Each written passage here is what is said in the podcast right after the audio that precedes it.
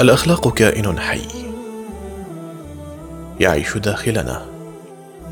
يولد معنا. فهو من الفطرة السوية التي امتن الله تعالى على البشر بتكريمهم وتفضيلهم بها. وهذا الكائن الطاهر السامي قد يكون من خصائص أرواحنا. السر الرباني الذي يعطي أجسادنا الحياة وبانتزاعه نموت.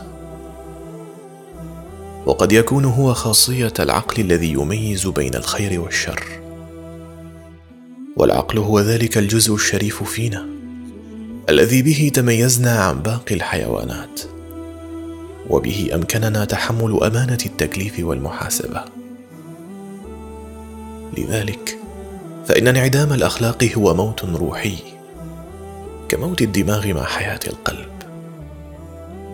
وسوء الأخلاق هو اختناق للفطرة. تحبس أنفاسها كما تنحبس أنفاس الغريق. وإذا ماتت الأخلاق لحظة من اللحظات فلا تصدق انها ستعود للحياة. لأن الميت لا يعود إلا بمعجزة خارقة للعادات أو يوم البعث والنشور.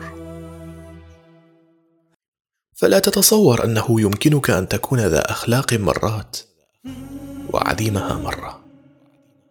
كما لا يحق لك أن تتصور أنه بإمكانك أن تأخذ إجازة من روحك.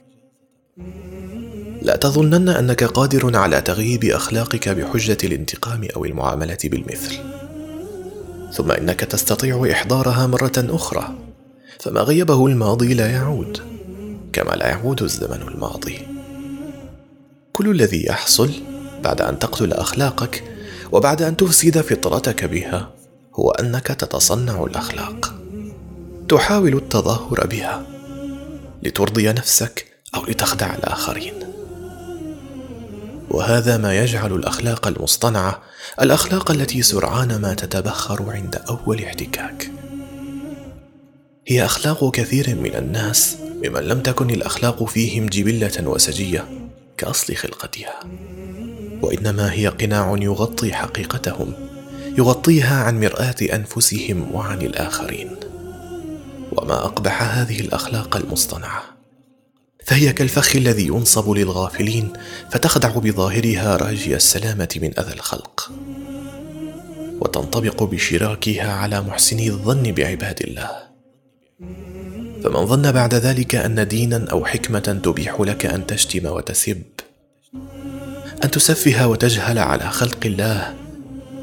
أن تقابل الإساءة بالعدوان لا بالانتصاف بغير عدوان. فقد كذب في ظنه. وأساء إلى دينه وسود وجه الحكمة المضيء. فلا يمكن لأي دين يدعي أصحابه الحق والخير أن يسمح بإعدام الأخلاق لديك إلا أن يكون تحريفا عن الحق والخير. ولا يمكن لحكمة أن تجتمع والسفاهة إلا أن تكون جهلا لا حكمة. أخيرا أنصح من قتل فيه روح الأخلاق من أعدم فطرتها في نفسه أن يحرص أن يتعرض لنفحات معجزة إحياء الأموات أن يبذر بذرة الخير والأخلاق فيه من جديد أن يسهر على سقيها أن يحرص على تعريضها لحرارة شمس الحق لكي تنبت من جديد. عسى أن تحيا أخلاقه بعد موت. وان تنشر من قبرها قبل يوم النشور وما ذلك على كرم الله تعالى ببعيد. ولا عن سنن الكون في إحياء موات الأرض ومن فيها بغريب. لكن عليه الا يعود إلى خطيئة الإماتة من جديد. فما مات مرتين لن يحيا ثلاث مرات.